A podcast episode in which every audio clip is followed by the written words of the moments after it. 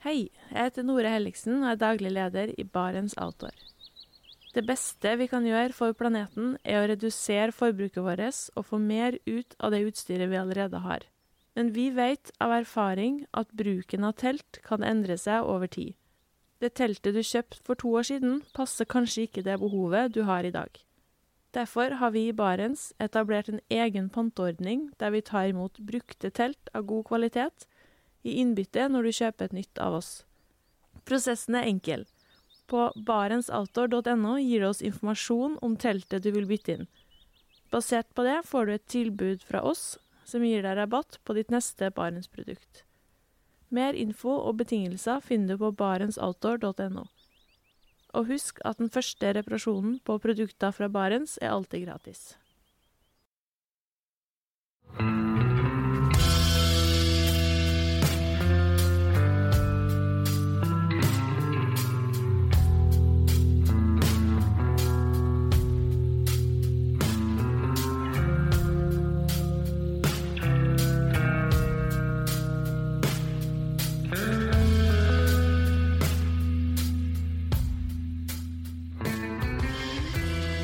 Hei, og velkommen til podkasten Uteliv. Mitt navn er Randulf Valle. I dag skal vi få være med på langtur i Alaska. For dagens gjest gjennomførte i sommer det man vel må kunne kalle en amfibieekspedisjon med packraft lengst nord i denne enorme villmarka. Men vi skal òg snakke om ganske mye annet. Men i hvert fall hjertelig velkommen til Jannike Kristine Dahl Øyen. Tusen takk for det. Mm. For eh, du er jo en av dem som står bak Instagram-kontoen Polarjenter også. Det skal vi komme mer inn på i dag, for det er jo ikke ment å bare være en konto på sosiale medier der. Nei, det blir mer eh, spennende som kommer etter hvert her, ja. Mm. Det skal vi få høre mer om etter hvert, men som vanlig så begynner jeg med å spørre har du hatt en fin tur eller naturopplevelse i det aller siste? Ja, du, det har jeg. Jeg har nettopp vært hjemme på heimplassen min, og da gikk jeg en fast tur i nærområdet. Og så så jeg den største tiuren jeg noen gang har sett. Så for en jeger for meg så var jo det ekstrem opplevelse. Ja, hvor, hvor er hjemplassen din? Det er på Ørlandet. Mhm. Et forblåst sted uten verken fjell eller skog. Ja, og når vi snakker om naturopplevelser, så du har jo vært hjemme samtidig med at eh, ekstremværet Ingunn kom på besøk. Hvordan var det? Jo, det merka vi godt. Det må ha vært Det- en naturopplevelse, det òg? Du, det var det. Og jeg våkna jo midt på natta av at huset knirka og senga rista, og fikk en følelse av at nå er jeg på en båt.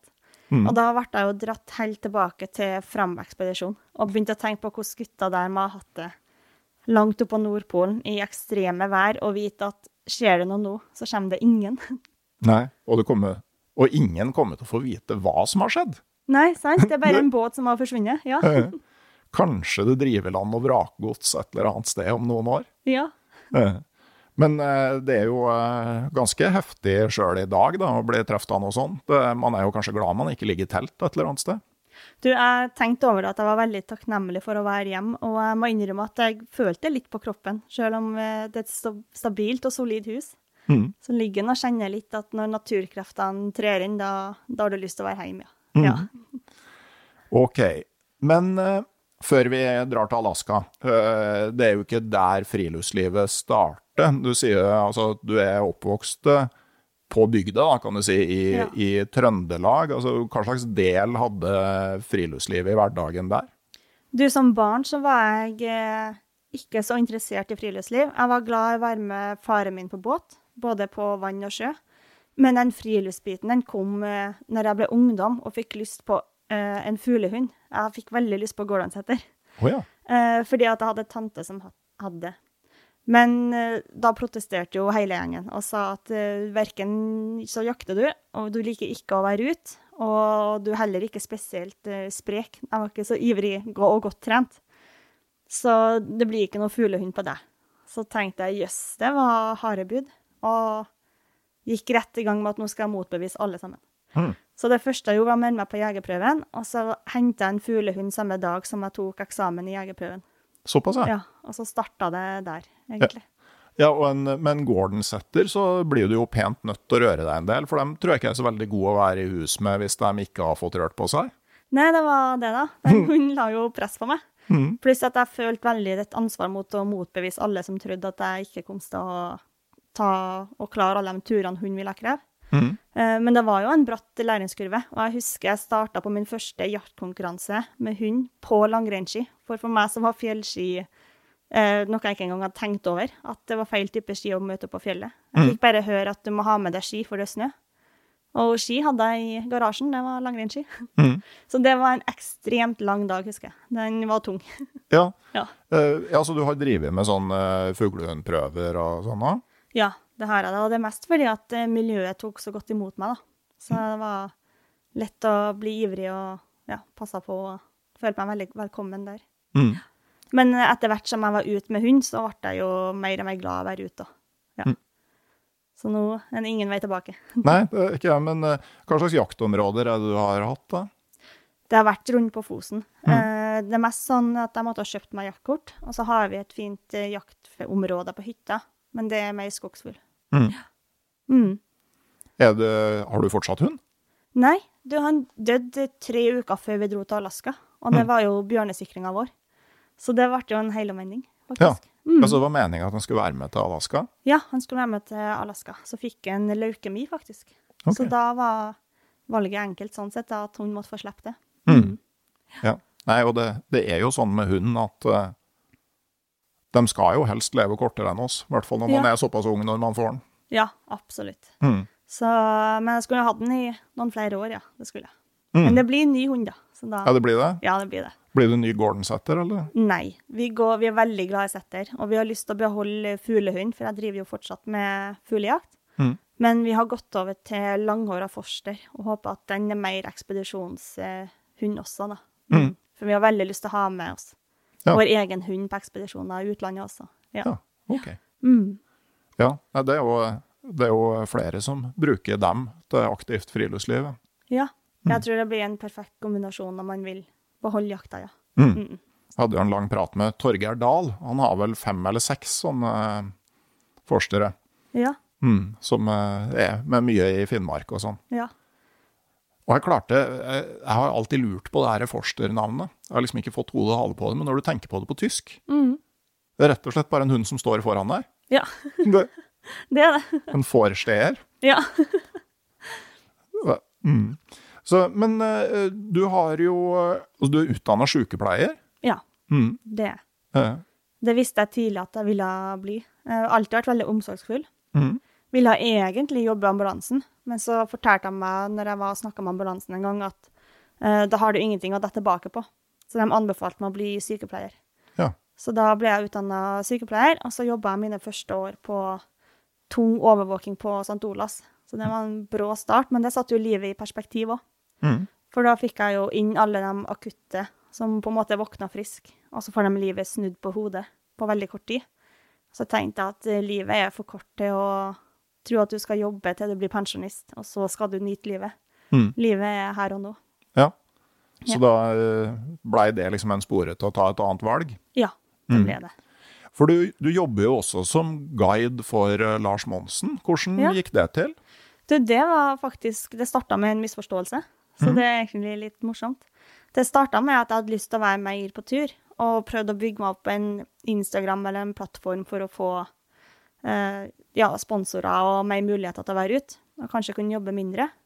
Så så jeg at Lars Monsen hadde kommet med det nye merket sitt. Så tenkte jeg jøss, da kanskje de kan sende noen sponsorprodukter, eller at jeg kan ha en giveaway på Instagram. Så jeg sendte mail på det, men da viste det seg at Lars hadde nettopp tenkt sjøl at han trengte en ambassadør, Mm. Eh, og var på utkikk etter det.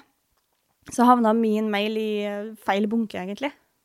Men så fikk Lars eh, sett at nei, men det er en blond, ung jente som driver med jakt og fiske, som har lyst til å være ambassadør. Mhm. Så tenkte han ja, ja, ring hun, og så får hun jobben. Så fikk jeg telefon med at ja, Lars har sett eh, sponsormailen din, men han lurer på om du vil være ambassadør. Så mm. tenkte jeg ja, da tar jeg det. Og så ringte Lars tilbake og sa at han har, han har tatt noen ambassadører før. Og han har egentlig ikke tida til å ta tak i det nå, men hvis jeg skriver min egen kontrakt, så skal jeg få være ambassadør, da. Så tenkte jeg at her var det bare å hive seg rundt. Og så skrev jeg tilfeldig den kontrakten at ambassadøren, som var meg, da, skulle være med på Camp Villmark, for jeg hadde veldig lyst til å dra på Camp Villmark. Men så er det da å ha midler og muligheter til å dra. Og så signerte jo Lars den, så ble jeg med på Camp Villmark, og da skulle jeg egentlig bare møte teamet og være litt sånn den her eh, ambassadøren vår. Eh, Hils på hun. Men det teamet hadde glemt å regne med, det var det at en Lars skulle òg møte opp. Og når Lars Monsen kommer inn på Villmarksmessa, så blir det jo kaos. Så da var de jo de to stakkars eh, sommervikarene som var leid inn til å ta kassaapparatet. De fikk det jo veldig travelt. Uh, og det skjedde jo mens jeg tilfeldigvis sto der og skulle hilse på dem, så jeg gikk bare bak og, og begynte egentlig bare å jobbe. For jeg er jo sykepleier, da, og føler jeg god på multitasking. Eh, men når Lars da dro hjem den kvelden, så tenkte han at stakkar ambassadøren, hun fikk jo en tøff start. Uh, og så hadde han tilfeldigvis et kurs oppe i eh, nord, attmed Saltfjellet.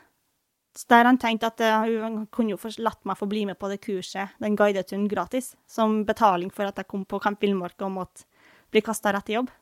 Og så var det egentlig under den guideturen at han tenkte at hun her må han ta med seg videre. da. Ja, At vi fungerte godt sammen. For det var akkurat samtidig som broren hans, Jan, hadde lyst til å kutte ned litt på å være broren til Lars, da, og heller Ja. satse på sitt eget familieliv. ja. Mm. Så alt handla egentlig om tilfeldigheter fra start til slutt, tenkte jeg å si. Ja. Ja. Nei, men det handler jo om å måtte være på, da. ja, og det var jo. Men det var litt morsomt når jeg kom på Camp Villmark, og noe av det første Lars sa, var liksom at han håpa jeg visste hvor heldig jeg var, for det var så mange søkere. Så det at jeg hadde fått den jobben, det, var, det måtte jeg være takknemlig for. Mm. Og da så jeg ut som et spørsmålstegn. Og så sa jeg nei, men Nei, men jeg søkte egentlig om sponsor, så da vet jeg ikke helt hva Nei. sant? Ja. Men da, hadde, da var jo isen brutt, da, så da hadde vi jo noe å flire av. Ja. Så da fant han ut at jeg har ikke engang søkt på noe jobb, vet du. Nei. Og så oppdaga han da at jeg hadde jo skrevet egen kontrakt og alt, for at eh, ja, alt hadde gått så fort til handa at eh, vi hadde ja, hoppa av noen ledd i kommunikasjonen der. Sånn kan det gå. Men, eh, men du Ja. har jo jobba deg der i flere år nå. Altså, hvor ofte er du involvert som, som guide og sånn der? Ja, nå har jeg jo jobba i over fem år, ja. Um, det, han, det varierer litt ut ifra hvor mange firmaer som trenger guide. Um, så vi har kanskje en fem guideturer av året. Mm. Men så blir jeg jo òg med på typ Camp Villmark og foredrag og messer og litt sånn, og ja, passer på at køa går fint, og at alle får tatt bilde med Lars og ja, litt sånne ting òg. Ja. Så det er veldig artig jobb. Jeg bruker jo å si at jeg har den beste jobben i Norge. Ja. For Lars er jo villmarkseksperten sjøl, så jeg går jo gjerne bakerst og passer på at alle har det bra og spiser mye blåbær. ja, ja. så det er artig. Mm. Mm. Eh, hva slags, måte, hva slags eh, turopplegg er det dere har? Altså, eh, hva, hva er det dere formidler? Det er, det er på en måte to forskjellige grupper. Det ene er firmaturer, og da er det jo veldig lavterskel og fokus på at alle skal ha det veldig gøy, og litt sånn eh, teambuilding. Uh, og så har vi den andre gruppa som allerede er glad i å gå på tur, og har veldig lyst til å bli med på en Lars Monsen-tur. Mm. Og da er de jo mer eh, erfarne og ekstreme turer. Mm. Mm. Med mer kunnskap òg, da. Ja, mer, mer fokus på lærebok? Lære bort, ja. Ja, Mm. absolutt. Ok, men uh, i sommer, altså, altså både du og samboeren din Mm. lever nå av å være på tur. Ja, det Mm. gjør vi. Eh, Thomas burde jeg jo ha en eh, prat med, vet jeg. Ja. yngste, på, yngste nordmann på Seven Summits, er det vel? ja, det er Mm. det. Ja. Uh, og litt sånn forskjellig innfallsvinkel til friluftslivet, dere to, forresten. Absolutt. Ja. Han hadde jo mye mer jeg holdt på å si, aggressiv. Han starta med å stå på Kilimanjaro og bestemme seg for å gå Mount Everest. Mm. Og det skulle skje egentlig med en gang. Ja. Så han fullførte jo Seven Summits på under to år, tror jeg. Mm. Mm. ja, og et mer sånn litt sånn alpint og actionprega friluftsliv, mens du kommer fra den eh, jakt- og fiskebiten. Ja. Mm. Så helt forskjellige verdener, faktisk. Og vi følte jo når vi begynte å date at vi var så like, for vi begge likte å være ute. Mm. Men så har vi jo funnet ut at vi, det er jo nesten som å spille håndball og fotball. Begge holder på med en ball, men det er jo ikke samme sport. Nei. Nei, hvordan, hvordan funker det da? Altså, blir, det, altså, blir det synergieffekt, eh, så én pluss én blir mer enn to, eller blir det full krasj? Nei, det blir én pluss én mer enn to, ja. Ja. ja. Så han tok jo faktisk jegerprøven i sommer, eh, i forbindelse med Alaska. Mm. Og nå har jo han skutt over 150 ryper pga. den turen, så han er jo allerede en godt erfaren jeger i forhold til ry- rypebestanden i Norge, da. Mm. Men uh, hvis rypene i Alaska er som dem i Canada, så er Dem er- utfordringa på et litt annet nivå. Han fikk en myk start, ja. Ja, jeg må innrømme at eh, det var ei sånn granjerpe i Canada som jeg først fotograferte fra alle tenkelige vinkler. Ja. Og så, når jeg var ferdig med det, så, så ble jeg en kveldsmat. ja. Det, det, det er ikke så vanlig på fjellrypa i Norge. Nei, absolutt ikke. Og jeg var litt spent, for han, eh, Thomas hadde jo høye forhåpninger når han skulle bli med på jakt i Canada. Og jeg har jo bare referanse fra Norge, så jeg tenkte ja, ja, vi får se hvordan det går. Og så møter vi opp i Alaska Mm. og skal låne et våpen der. Og så får vi da en pumpehagle uten kolbe. og da tenkte jeg at nå blir vi sulten. Men eh, nei, rypa hun står og venter, så det var jo ganske greit. Men uh, turen deres fra Katovik til Arctic Village, helt nord i Canada uh, Jeg tenkte å spørre hvor dere fikk ideen fra, men så begynte det å demre for meg at her var det et eller annet kjent. Ja.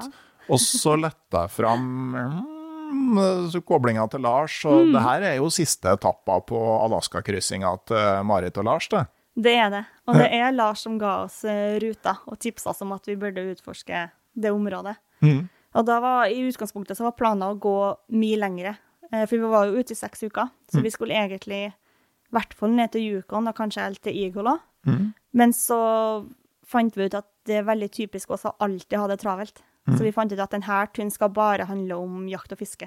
Og da endte vi opp med at vi stopper i, eh, i Arctic Village. Og det er jeg veldig glad for nå, da, for vi ble jo godt kjent med inuittene der. Mm. Mm.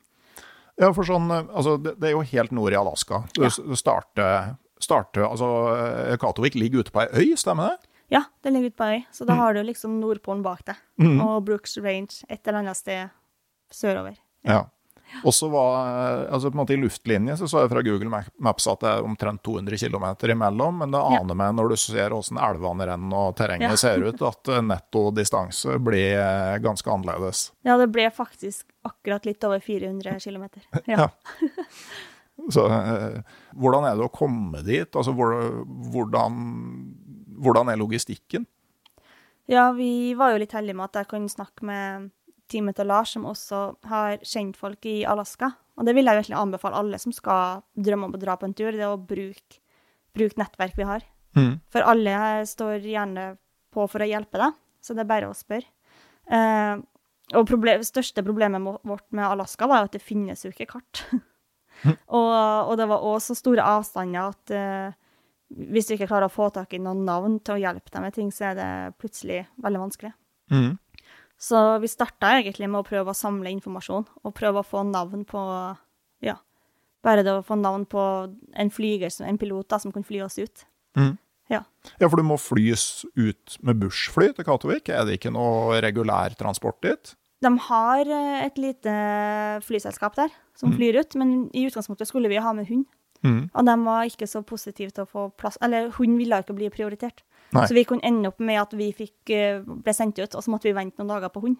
Oh, ja. Eh, og da hadde vi jo plutselig ikke noe plass å ha, ta vare på hund heller, for det var jo ikke sånn at de hadde en kjempefin, vakker kennel som de kunne ta vare på en hund. Så ved å ta en eh, ja, bushplane, så kunne vi få med oss alt en gang. Mm. Men, men hva slags samfunn er Katovik? Altså, hva, kunne dere proviantere der? Eh, nei, vi må ta med oss alt fra flyet. Mm. Eh, veldig lite samfunn. Eh, egentlig nesten flere isbjørner enn innbyggere. Ja, ok. Mm. Så det, og husene er jo bare noen brakker. Mm. Veldig forblåst, ja. Ja. Mm. Hvordan, hvordan føltes det da dere landa der? Nei, det var egentlig litt uh, uvirkelig, for at uh, når flyet går, så alt skjer så fort, på en måte. Mm. Du står i sivilisasjonen og går om bord et fly. Og så når du lander den flyg ut, så er du på en måte forberedt på at du skal på en lang ekspedisjon. Men det er litt sånn surrealistisk akkurat når det skjer. Og det første Thomas sier da, er eh, er, det, er det du som har fylt på vann på vannflaskene? Så sier jeg nei, men det var det jo du som skulle gjøre, trodde jeg. Og så finner vi ut at vi, nå står vi jo med saltvann på, ja, på ei øy, med bare saltvann rundt oss. Vi har jo ikke noe vann. Nei. Så vi starta jo turen der. Mm.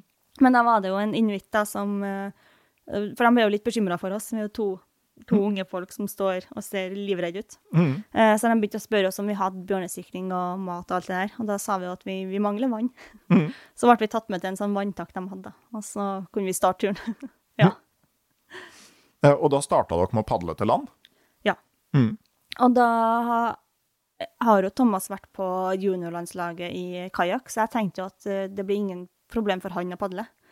Men eh, for han var det jo et kjempesjokk å bli plassert i en packraft der vannet egentlig når over packraften, for den var jo overfylt med ting. Eh, Så hadde vi veldig lette packrafter. Så han, vi har en film der han snur seg mot meg, og så roper han Jeg er så jævlig redd.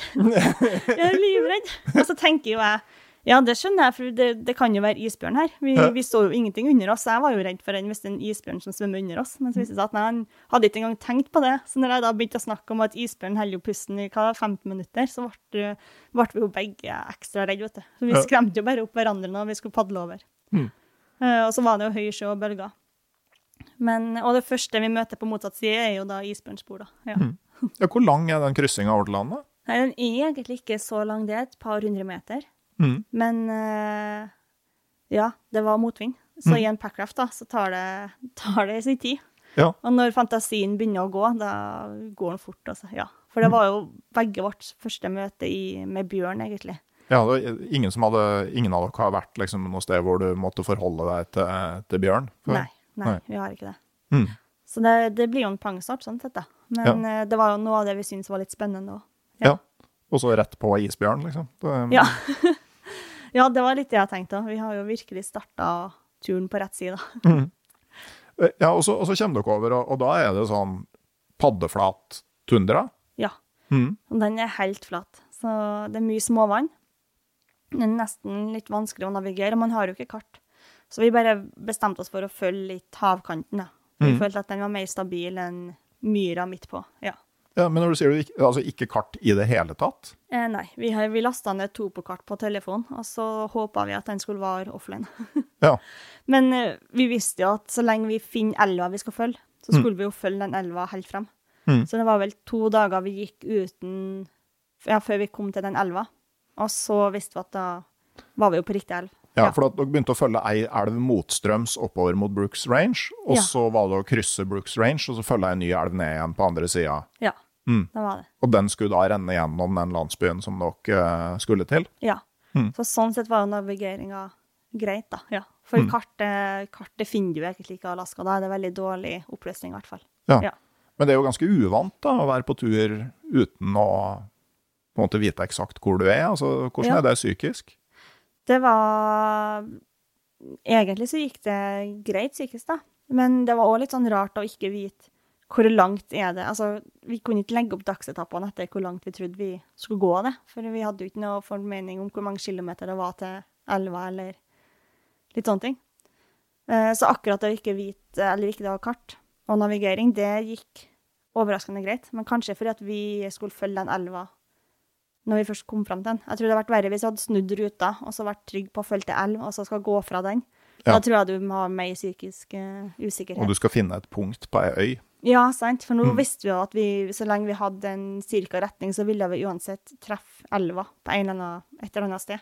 Mm. Men å treffe den øya hadde blitt eh, veldig vanskelig, faktisk. Ja. Mm. Eh, Men, men litt mer sånn formelt, altså trenger du visum for å dra til USA? Uh, ja, vi hadde vel visum Mm. og jaktkort og fiskekort. Ja. Det Hvor er er du kjøper jakt- og fiskekort? da? Det gjorde vi på nett, og da brukte jeg så lang tid, for jeg tenkte at nå har jeg gjort noe feil.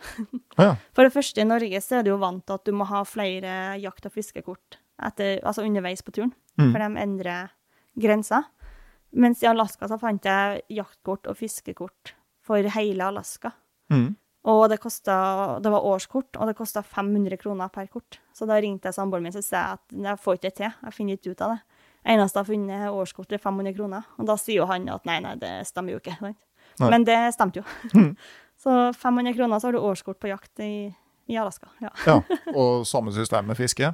Ja Mm. samme government eh, ja, Mm. nettside Men da er det småvilt det er snakk om, da? ja, småvilt. Opp til rådyr, tror jeg. Ja. Og så er det fisk, men ikke kongelaksen, da. King salmon. Ja. Nei, det er jo eh, en viss frihet, da. Ja, ja det. Men, men det med bjørn, da, sånn, hvordan planla dere for å koeksistere med bjørn? Og hva hadde dere med av, av altså Hva slags rutiner hadde dere, og hva hadde dere med av, av forsvarsmidler? Ja. Eh, ja, Bjørn snakka vi jo veldig mye om før vi dro, sånn at vi på en måte skulle ha rutinene der klart før vi kom dit. Eh, og vi hadde med oss ei pumpehagle og bjørnespray. Mm. Og det var det vi hadde med oss. Vi tenkte å ha med oss enda hagle i starten, men så ble det litt vanskelig å få lånt den. Så da endte vi opp med at vi tar ei hagle. Mm. Uh, og så skulle vi jo ha med hunden min, men den døde jo tre uker før, og det var han som skulle være bjørnesikringa på natta. Mm. Så jeg hadde jo ikke tenkt, eller reflektert så mye på det om å ligge i telt med bjørn av at hunden kom til å varsle. Så, jeg, så for meg var det et kultursjokk den første natta, Og skal ha igjen den glidelåsen og tenke at nå går det isbjørner forbi oss uten at vi vet det. Mm. Eh, mens eh, samboeren min igjen, han var litt som et barn nesten. Han la seg inn i soveposen og dro igjen glidelåsen helt opp, og så var han borte. Så han følte seg helt trygg i teltet, mens jeg lå våken hele natta den første natten. Så jeg strevde veldig med å være i teltet og håpe at det ikke skulle komme inn en bjørn. Mm. Men det som hjalp, var jo at jeg og samboeren min hadde prata mye om eh, bjørnesikring på dagtida på forhånd, og så kunne vi prate om bjørnesikring på, i teltet Mm. når vi var der. Så samboeren min prøvde jo å sette ting litt i sånn perspektiv, da. Om at når en bjørn går forbi et telt, så tenker jo ikke bjørn at her står det et telt. og inni her så sover det mennesker. Så han kjenner nok lukta og blir nysgjerrig først. Mm. Men det er ikke sånn at han har et forhold til at inni der så bor det folk, da. Så er det mat nå? Ja. Mm. Så han prøvde liksom å ja, snakke meg litt gjennom det, da. Hvordan Mm. en bjørn mest sannsynlig vil tenke. Og det for at vi hadde jo egentlig uvær hele tida, så jeg klarte jo heller ikke å høre. Jeg ville Nei. jo ligge og høre etter bjørnespor, men det klarte vi ikke. Og på dagtid så hadde vi jo rutiner om at den som gikk bakerst, er den som snur seg og ser bak, Mm. og han som går foran, den som roper. Og så var det også sånn at Thomas hadde hagla på sin sekk, mens jeg hadde alltid bjørnespreng klar. Og da Mm. visste vi at Thomas da skulle prøve to varselskudd, hvis det var mulig. Og hvis bjørn kom for nærme, så skulle vi bytte plass, der jeg gikk fram og tok bjørnesprayen. Mm. Eh, så, og sammen med teltet, så visste vi at uh, hvis bjørn var på min side, så skulle Thomas ut med hagla på sin side. Og, den, og jeg har bjørnesprayen. Og hvis vi hørte at bjørn var på Thomas sin side, så er det da motsatt. da. Mm. Så vi hadde telt med to åpninger på Mm. grunn av bjørn, ja. Mm. Hvor uh, Så dere noe isbjørn? da? Du, vi så ikke noe isbjørn, men vi så ingenting. For det Nei. var havtåke. Mm. Så vi hadde ni dager med havtåke. Mm. Og da så vi ingenting foran oss, nei. Og vi ble òg veldig ofte lurt, for vi kunne se at liksom Oi, nå, nå er det en stein 300 meter foran oss. Og så var det kanskje bare 30 meter. Ja. Så vi hadde ordentlige problemer med avstandsbedømming når det du, var sånn havtåke. Du ser en sjø langt foran deg, Ja. som er en dam du nesten tråkker i. Ja. Ja, og det hadde vi mye, at vi trodde at oi, her er det et vann vi ikke var forberedt på. Og så var det bare en søledam når du kommer nærme. Ja. Mm. det er jo litt sånn spesielt å, å ferdes i. da. Ja. Mm. Men det som var litt kult, som vi ikke planla før vi dro, det var jo at alle de småvannene på tundraen, dem kunne vi jo faktisk bruke packraft over. Ja. Så når vi kom på det dag to, da, så gikk jo, vi tok jo inn to dagsetapper, bare ved at vi festa sekken og padla over. Mm. Eh, Så det var jo en artig, Mm. artig ting å oppdage, for vi hadde jo hørt at det var mye, at det var mye vått på tundraen. Men vi kunne jo ikke se på kartene at det var vann der. Nei, og, og da kan du på en måte gå med packraften oppblåst på sekken, så det bare er å velte den uti når du kommer til neste dam. Ja. Mm. Så da, da gikk dagsetappene fort, ja. Mm. Så det er et fantastisk framkomstmiddel. Ja. Sånn, kanskje bortsett fra i bølger og motvind. Ja, du må ha vindstille. det skal veldig lite vind til, faktisk. Eh, Men, eh, men, men når du snakker på vann, og du snakka om drikkevann innledningsvis, altså det er jo annerledes i Alaska enn i Norge. Ja. Mm. Det, der må du renske vannet, for der er det stor fare for eh, ja, mange forskjellige infeksjoner, men beaver-fever er man jo mest redd for. Ja, Giardia. Ja. Mm. Så vi hadde med oss antibiotika i tilfelle, og så hadde vi en ordentlig vannpumpe. Så den veide litt, men den er verdt sin vekt, da. Ja, hva slags Og- da? Ja, vi fikk den fra Varri. Det er kanskje MSR, da? Ja, MSR-pumpe. Mm. Um, og så hadde vi òg med sølvtabletter, i tilfelle en pumpe ikke skulle funke. Ja. Mm. Ja, Og det er man nødt til å ha i Alaska. Du er nødt til å ja, ha ordentlig vann. Mm. Og så har jeg hørt at dere valgte å ikke ha med noen brenner, bare Ja. kvistbrenner. Ja. Og det var jo litt fordi at jeg tenkte at det, det blir en artig utfordring. Mm. Og utfordring ble det jo. Eh, så vi tenkte jo litt over 50 bål. Mm. Eh, Og vi starta jo på tundraen. Ja. Så da tok det jo to-tre timer bare samle nok en liter vann på tundraen. Mm. Nei, for jeg tenker jo ikke sånt det er med, med vekt i ryggsekk og sånn. Altså, det er Ja. jo et energiregnskap, og det har av og til slått Ja. med at under sånne forhold så bruker du nok antagelig mer energi på å samle ved enn du ville brukt Ja. på å ta med deg litt rødsprit. Det gjorde vi, uten tvil. uh, vi er jo glad for det nå, men det er siste turen vi gjør på den måten, ja. Mm. Og så var det jo havtåke. Så bare det å få fyr på det lille vi fant, det var jo vanskelig i seg sjøl. Ja, og, Ja. og mye av energien i bålet går med til å tørke veden. Ja. Mm. Eh, Men, men hvordan planla dere med, med mat, da? ja. Du, maten er jo nesten en utfordring, for du får ikke med deg noe mat fra Norge. Nei. Nei, vi har jo pleid å blitt sponsa av Real Turmat, Mm. men så oppdaga vi at det får man ikke med seg. Nei, men jeg har sett et Instagram-bilde med en eh, Ja. Real Field Meal-pose på, så Ja, eh, havregrøt uten noe tilsetning, tenkte jeg å si. Den fikk vi med. Ja, OK. Så det er liksom animalske produkter de er Mm. Ja. redd for? Ja, det var Mm. det.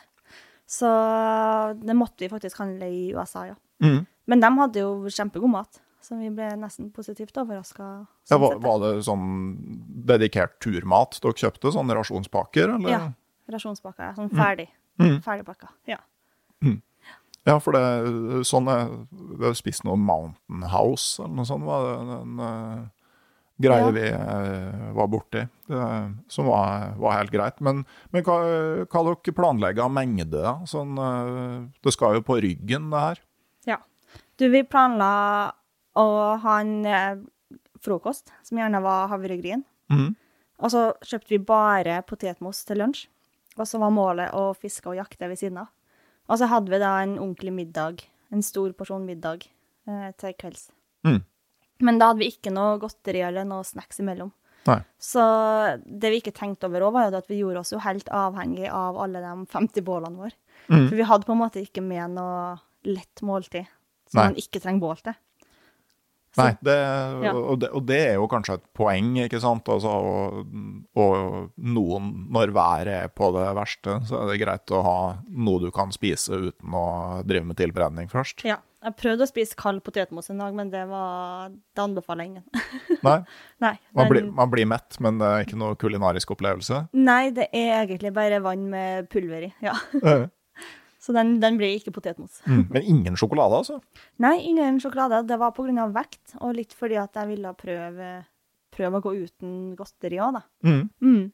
Vi hadde med oss litt potetgull, da. Det hadde vi. Ja. Ja. Mm. Eh, Men, eh, men også, hvordan var du- Ja, du har jo allerede sagt at det, det var ikke noe problem å få tak i vilt. Nei. De eh, sto rundt oss eh, overalt, ja. Ja, Var det sånn at du på en måte kunne vente til du var sulten før du Ja. begynte å jakte? Vi, vi gjorde det, faktisk. Mm. Så vi, aldri, vi jakta aldri mer enn det vi skulle spise til neste måltid. Nei? Så vi slapp å, å samle opp. Det gjorde vi. Mm. Eh, så sånn sett var jo Alaska en ordentlig opplevelse, da. Mm. Mm.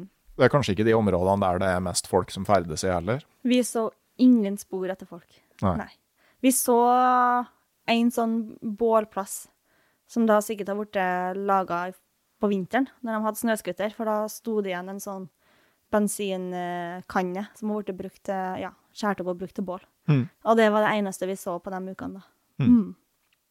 Så dere noe, eh, noe annet sånn storvilt, da? Det er vel eh, caribou i de områdene der? Ja, men vi så veldig lite dyre dyr generelt. Mm. Så vi må jo absolutt tilbake til Alaska igjen. Men eh, caribou, det hadde vi. Mm. Og de var ofte veldig nysgjerrige på oss, de kom ganske nærme. Mm. Mm. Så det var jo opplevelse hver gang. Det er alltid sånn mora meg over når jeg har sett dem i Canada, at de, liksom, de går ikke oppå ryggen, på, men de går så tett oppunder ryggen at geviret stikker over. Ja. Så jeg ser for meg at de går er sånn kjempefornøyde. Ja. Ingen ser oss nå. Og det minner meg om når jeg var barn, så jeg var veldig glad i å være spion. Men jeg hadde jo alltid den blå nisselua på meg. Så, så det stakk opp en nisselue bak alle bærbuskene uansett hvor jeg var hen, ja. Så, litt som Caribbean i Canada. Men eh, dere traff jo grizzlybjørn etter hvert. Det gjorde vi. Um, men ikke før vi hadde kommet halvveis i turen. Hæ? Og der snudde vind, sånn at vi gikk fra å ha uh, medvind til å få motvind. Og vi lurer på om at det rett og slett ikke var for at det var lite bjørn på starten av turen, men at den, det, det så med den værelukta. Mhm. For med en gang vinden snudde, da kom de jo litt for ofte, nesten. Altså En dag så hadde vi jo to møter samme dag. Mm. Da begynte vi å tenke at ok, nå Nå begynner vi å bli sliten, for da trodde vi at vi så en tredje bjørn, men så var det en caribou, da. Ja. ja. Hvordan var det første møtet, da? Liksom Når den plutselig står der? ja, nei, det var ganske interessant, for jeg har jo tenkt at jeg er en sånn typisk Pocahontas som værer væredyr og godt jaktinstinkt og er veldig på. Eh, men det var vi ikke, så vi holdt på å gå på den første bjørn. Mm. Sjøl om jeg følte at vi fulgte meg, snudde meg oss bak, og så sier Thomas bare 'stopp', sant? Så ser jeg opp, og da står jo bjørn rett foran oss. Ja, hvor langt unna liksom? Nei, en 60 meter. Ja, det er jo Og da roper jeg nei, for jeg blir jo så redd. Eh, men den bjørnen var like redd, så han Mm. sprang, da. Ja. Mm. Eh, så gikk det en halv dag, så møtte vi på en bjørnemor med to unger. Mm. Og den òg gikk vi oss på. Så da var vi plutselig tre bjørner vi holdt på å gå oss på der. da. Eh, og det er så rart å tenke på etterpå, for vi gikk i høyden, og, og de sto liksom ned en dal, så vi skulle ha sett dem så godt. Og vi følte at vi var holdt utkikk, men uh, det er tydeligvis ingen instinkt av meg, i hvert fall, som varsler rovdyr. Nei, altså er de vel gode til å ferdes uten å Ja. bli oppdaga, dem òg? Altså, de, de sier jo om sånn radiomerka bjørn som de Mm. eh, følger med rundt folk, at den er ekspert på liksom når den vet om deg, og beveger seg sånn at du går forbi uten å se den. da. Ja. Hmm. ja, men det tror jeg på, for de, de bare ja, tok oss på fersken hver gang, tenkte jeg å si. Hmm. Og like overraska dem som oss, da. Mm. så mora med de to ungene, de, de sprang flere kilometer innover dalen med en gang de så oss. Eh, så de to første bjørnemøtene, da var vi mer opptatt av å få hagla av sekken og gjøre oss klar, da. I Mm. tilfelle vi måtte skremme dem. Men de sprang så fort. Mm. Så når vi møter den tredje, tredje bjørnemåte, da, med den femte bjørn, så sier jo jeg, og det har vi filma òg, for da er vi jo mer opptatt av å få det på kamera. Plutselig er jeg blitt sjølsikker. Mm. Og da hører du på kameraet at jeg sier vent, vent, vent, ikke gjør noe. Uh, ikke ikke hent hagla, liksom. Vi må nyte det her. La oss nyte opplevelsen. Og så går det noen sekunder, og så hører du meg bare rope 'skyt'! For da, da har jo ikke den bjørnen tenkt at vi er noe skummel. Han kommer jo rett mot oss. Ja. Ja. Så da møtte vi på en av dem som var litt tøffere, da. ja. Så den må ikke bli for komfortabel. nei. Nei. Det, det, er vel, det er vel noe med, med det, ja. Og, Ja. eh, Men eh, når du går liksom såpass langt ute i turen før det første bjørnemøtet, rekker du da liksom, begynner du å senke skuldrene litt sånn ubevisst? Ja, Øh, det merker jeg i hvert fall spesielt på en, Thomas. Han ble mer sånn, ok, men nå, nå har vi kontroll, og det her går bra. Eh, så jeg var mer redd hvis vi skulle gå forbi kratt. Da begynte jeg å rope det. Men jeg tror mye av grunnen til at vi gikk på de eh, første bjørnene uten å se dem, det kan være fordi at vi, vi slapp ned garden litt. For vi følte at terrenget var oversiktlig, og at vi ikke trengte å passe på så mye. Eh, men de var jo der, og vi gikk jo nesten rett forbi dem. Så vi ble absolutt mer slapp og slutta å snu oss så mye og slutta å bråke så mye og følte oss litt komfortable, ja. Mm. Mm. Det blir jo, vi har jo ikke noen bjørn i Norge heller, som jeg har sett, da. De er jo her, men de gjemmer seg jo. Mm. Eh, sånn at man har jo på en måte ikke noe forhold til at det plutselig kan stå et rovdyr der heller. Vi er jo vant til å være veldig trygge. Mm. Så hadde jeg jo en sånn idé om at isbjørn var verst. Så når vi trodde vi hadde kommet over til brunbjørn, så ble vi litt slappere. Ja. Hvordan fungerte det å ta seg oppover ei elv med packraft? da? Den, eh, da ble packraften på ryggen. Ja. Ja, det ble det? Ja. Så elva var egentlig mest navigasjonshjelp på Ja. vei oppover? Navigasjon så håpa vi på fiske, men den var for grå til det. da. Ja. ja Det var ikke noe sikt. Men packraften var jo òg for å komme seg over øya Kaktovik da, og Mm. til fastlandet. Og så Mm. visste vi at vi måtte bære den opp til Brooks Rains. Ja. Mm. Mm. Så Nei, det var absolutt strielva vi var der på høsten. Mm. Når det regna. Sånn at vi hadde ikke noen mulighet til å packrafte oppover, nei. Nei. Nei. Men når dere da kom til toppen og Ja. kunne sjøsette, det må jo være eh, relativt euforisk. Det var helt vilt. Mm. og vi tok Vi for over 50 km den første dagen. Eh, og så fant vi ut at nå må vi sette leir, hvis ikke så hadde vi flere dager igjen på tur. Nei, Ja, nå begynner å rasjonere padlinga. ja, ja, ja. Jeg tror klokka var ett på ettermiddagen da vi hadde satt leir etter 50 km. Ja. Mm. Så hadde vi to dager til, da, som var sånn ordentlig eh, morsom. Og så stoppa elva helt. Og da, Da husker jeg så på Thomas, og så sa jeg bare nei, det her var døll. For da, når du har gått fra sånn 15 km i timen til at du må virkelig ta i for å padle tre, Mm. da føltes det jo ordentlig som antiklimaks, da. Ja. Sjøl om turen var fin, men da, da gikk det sakte. Ja. Var det noe mer eh, fiskemuligheter i den elva der, da? Du, det var absolutt ikke det. Vi fikk én harr på hele turen, og han Thomas stakkar, han sto med stanga hver dag. Ja. Mm. Men han hadde med seg bare fluefiskestang, da. Oh, ja. Mm, for det var prosjekt han òg ville ha. ja. Ja. OK. For å tvinge seg til å um, Jobbe litt, ja. jobbe litt med det. Ja. Det funker, det, altså. Det, Ja. Han fikk jo den harren, da, den, og da var det på ei klar elv. Og da var det på første kastet. Så da På Hemsedalsflua, ja. -hmm. ja. Alt lokalpatriot. Ja, ja, ja. Mm. Men eh, dere hadde òg en sånn uh, leste om på, på Instagram uh, at elva plutselig delte seg. Ja. Ja, det gjorde han. Uh, og da rakk ikke jeg å henge på Thomas, så vi for eh, i hvert vårt løp. Mm. Så tenkte jeg ja, ja, men det Vi ser hverandre snart igjen, en må jo møtes. Men jeg tror vi var borti Ja, vi var i hvert fall over en time fra hverandre før Ja. vi møttes igjen. Og da begynte jeg å tenke at nå, nå møtes vi ikke. nå har elva virkelig delt seg. Mm. Uh, og da ble det jo litt spenning, da, for Thomas hadde jo hagla, jeg hadde bjørnesprayen, men ellers så hadde vi jo ikke det samme bjørneutstyret med oss. Nei. Så var det litt sånn Hvis jeg går i land et sted for å prøve å finne Thomas, men Thomas uh, seiler videre, altså når skal vi begge innse at vi må stoppe? Mm. Uh, men så rakk elva å møtes igjen, da, og da var jo jeg helt i ekstase og har hatt tidenes tur, sant, og jubla bare, var så glad for å se Thomas, og, mm. og jeg bare ja, for dit, og jeg, sett, jeg hadde jo sett en, eh, en caribou, så jeg var så glad for den. Mm. Og så ser jeg på Thomas, og så ser jeg at han er på ingen måte glad. Nei. For han har jo veldig stor omsorg for meg og føler veldig ansvar òg. Og han var litt sånn Det der kan ikke skje igjen, og du må i hvert fall ikke være glad for at det skjedde. sant? Det, det var ikke noe kult, da. Nei. Så tenkte jeg bare oi, nå må jeg bli litt mer ydmyk her, ja. Men det var, det var litt artig. At vi, vi møttes på to helt forskjellige nivå av energi. Ja. For det eneste han hadde tenkt på at nå, nå blir dama spist av bjørn, liksom. Mens jeg tenkte bare at det var tidenes uh, rafting nedover elva. Ja. Hvordan er det å komme fram da, etter å ha vært eh, i isolasjon såpass? Uh... Ja, det var nesten, nesten uvirkelig. Ja. Mm. Samtidig som at vi ble Vi hadde nytt turen hele veien, men når det nærma seg de to siste dagene, så fikk vi en sånn uro. Eller en sånn nå, nå vil jeg at turen skal bli ferdig. Mm. Og, og det er litt rart, for jeg tenker at hvis vi hadde fortsatt videre, da, som vi tenkte i utgangspunktet, ned til Yukon eller Eagle, så tror jeg ikke at vi har hatt den uh, uroa. Så det var litt sånn tydelig at når kroppen vet, eller du er innstilt på at du snart er fram, da, da ble vi nesten sånn at vi glemte å nyte turen. Det er ikke så uvanlig det, altså. Å tenke at, eh, og den, eh, at du bruker litt tid i starten av turen på å komme inn i det, og så har du en sånn flytsone på midten, og så Mhm. får du en sånn periode på slutten. Ja, vi merka det, så vi sto opp Vi hadde jo mange dager å ta av, så vi kunne jo nesten ha blitt en uke til i villmarka. Men Mm. vi sto opp klokka to på natta og, og pusha et sånn siste Ja, tok tre dagsetapper igjen, tror jeg. Ja.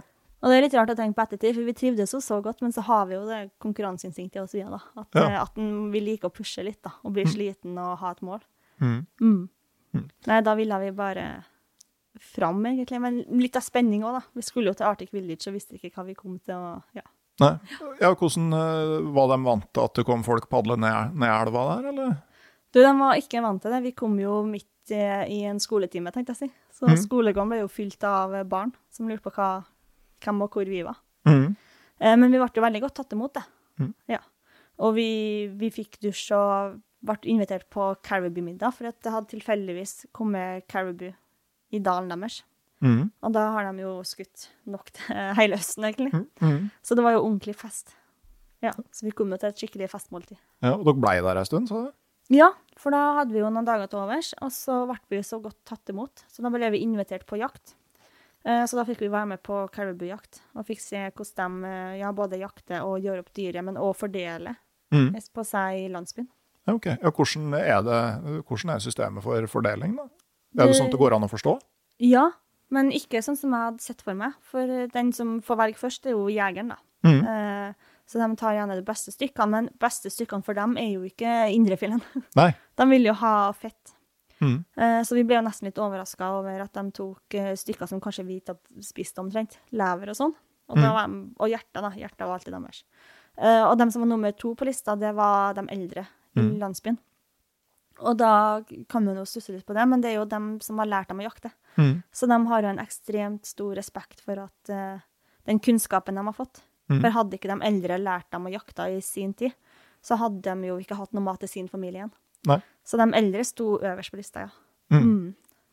Nei, men jeg vet jo òg, ikke sant eh, eh, Sånn eh, I reindrifta så er det jo ofte nakken som er Altså nakkebidos. Det er jo For det er der det er mest smak. Og, Ja. Mm. Det er ganske rart. Det var ei som fikk eh, hodet på en caribou, og hun begynte nesten å grine, for det var så lenge siden hun har fått eh, et hode sist. Så, så jeg syntes det var litt rart. Jeg tenkte stakkars skal hun få den, for hun var så søt, søt dame, tenkte jeg. Men hun var jo sjeleglad for å få hodet. Ja. Ja. mange sånne spesialiteter som uh...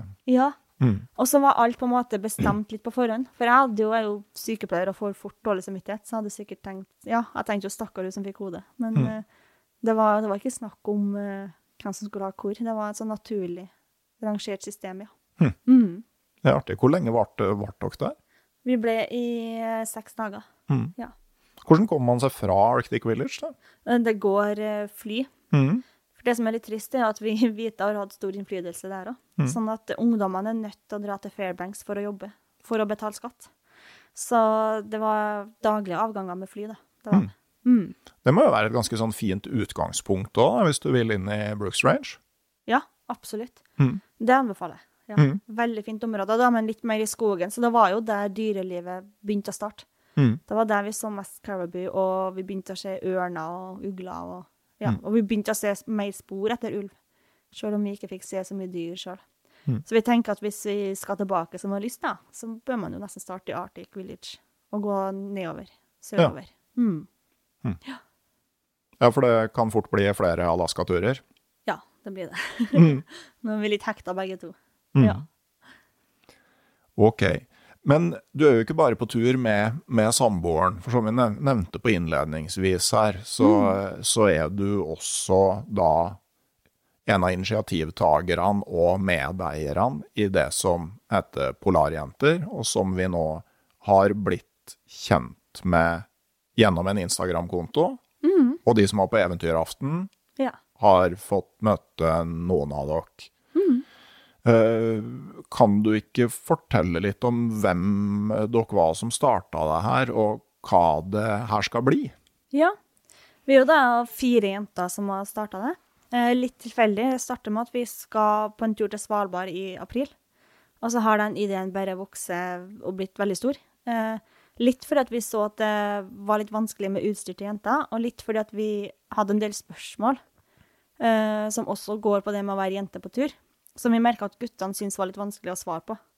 Uh, så tenkte vi at okay, men her trenger vi jo egentlig en plattform der vi jenter kan uh, ja, stille litt spørsmål og få litt tips og triks på hva som funker for oss.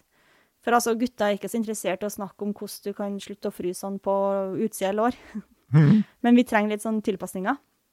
Så da fant vi ut at eh, en sånn plattform savner vi. Så da ble det jo en Instagram og en Facebook, ja. Der vi òg kan heie litt på hverandre og støtte hverandre og dele erfaringer, da. Og løfte opp litt sånn skjulte polarjenter. Mm. Mm. Og så er det jo et AS, da, så vi skal også holde litt foredrag og guide turer og ja, håpe at vi kan bygge videre på det her. Mhm. Mm.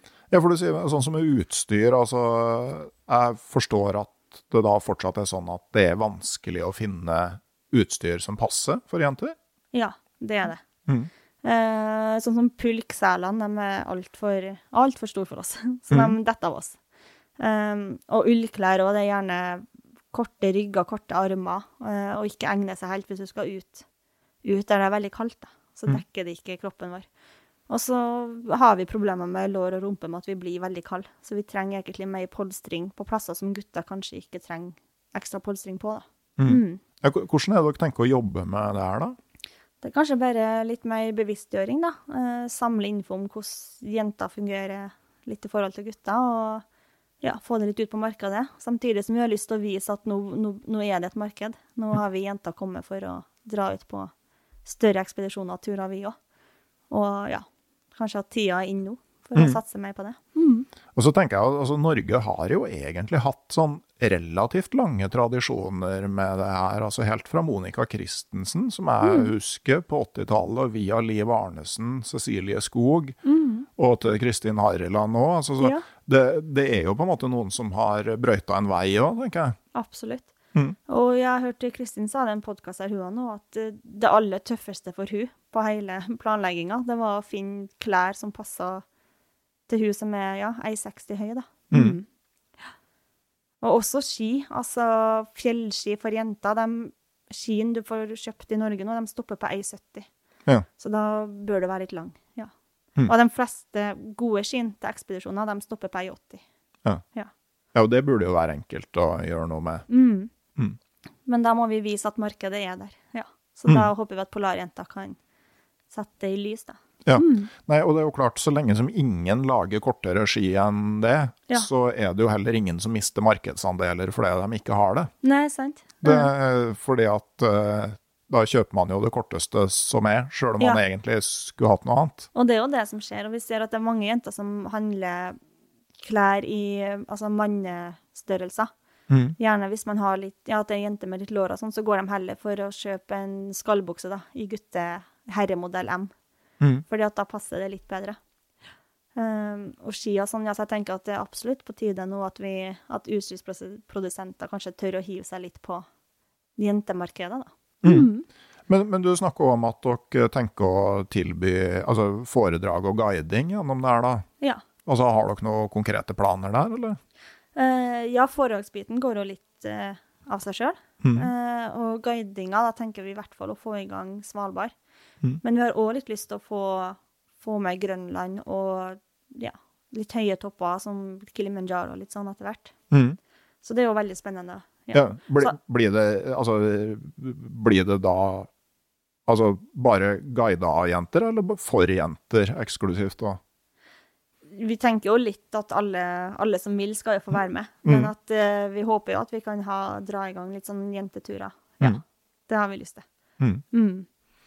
Men eh, nå er det Svalbard som er, altså er planen, for jeg har jo lukta lunta med noe pulktreningsvideoer og noe brekurs og ja. så du begynner å liksom eh, legge Ja. sammen her at eh, det her lukter Svalbard. Hva er prosjektet? Ja, prosjektet er Svalbard på tvers, da.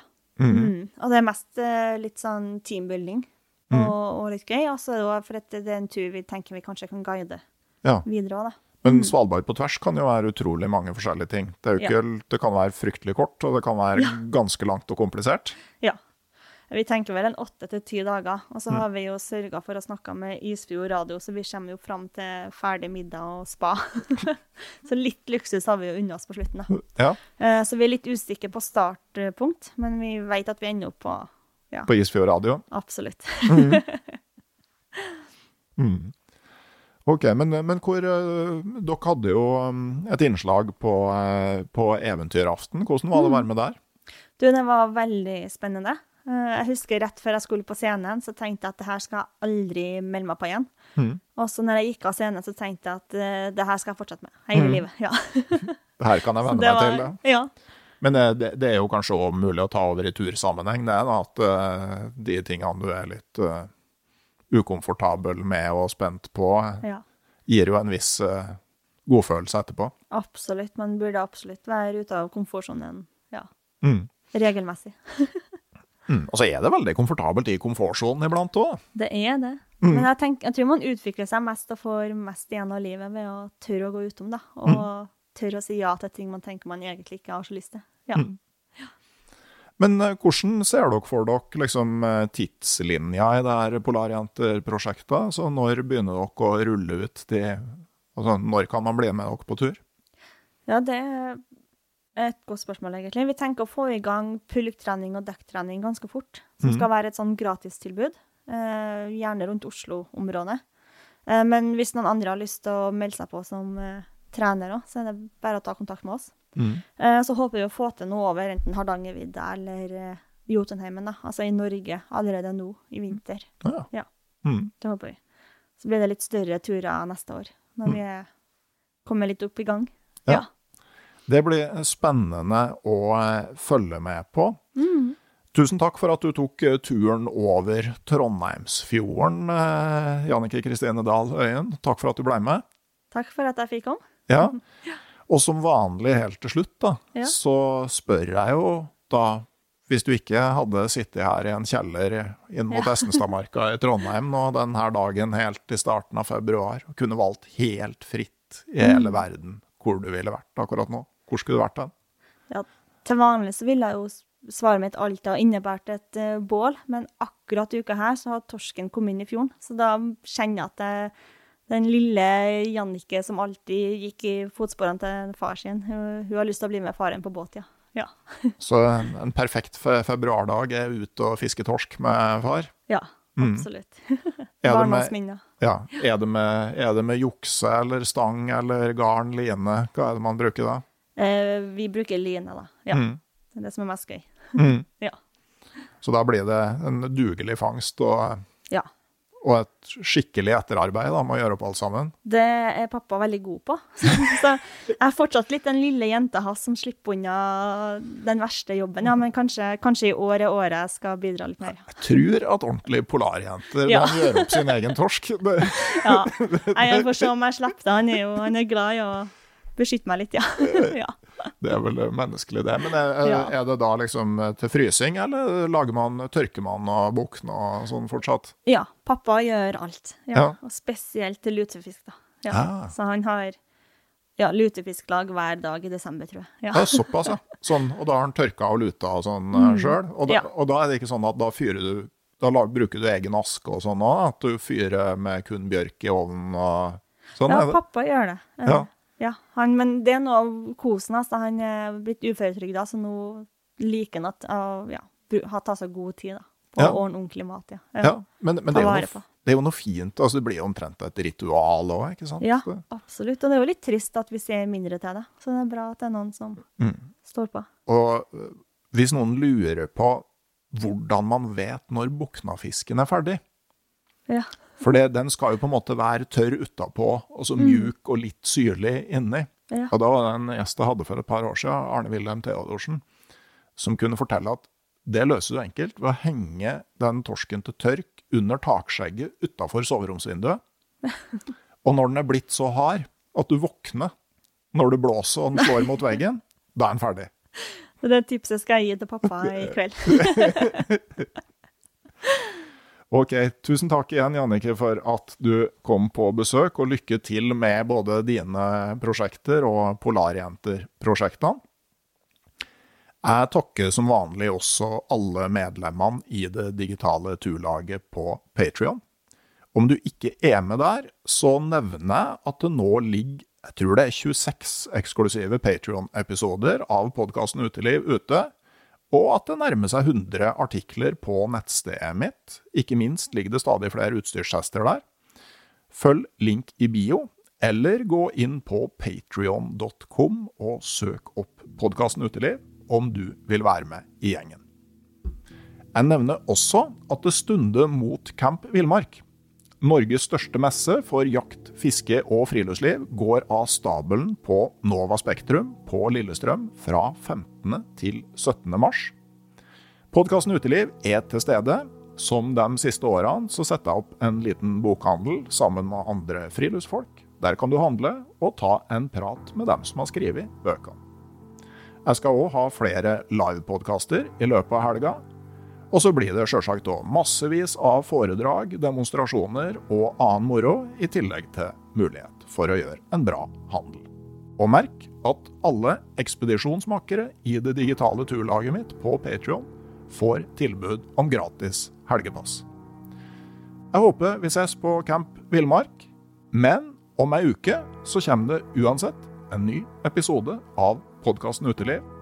Og inntil da så sier jeg rett og slett ha det bra.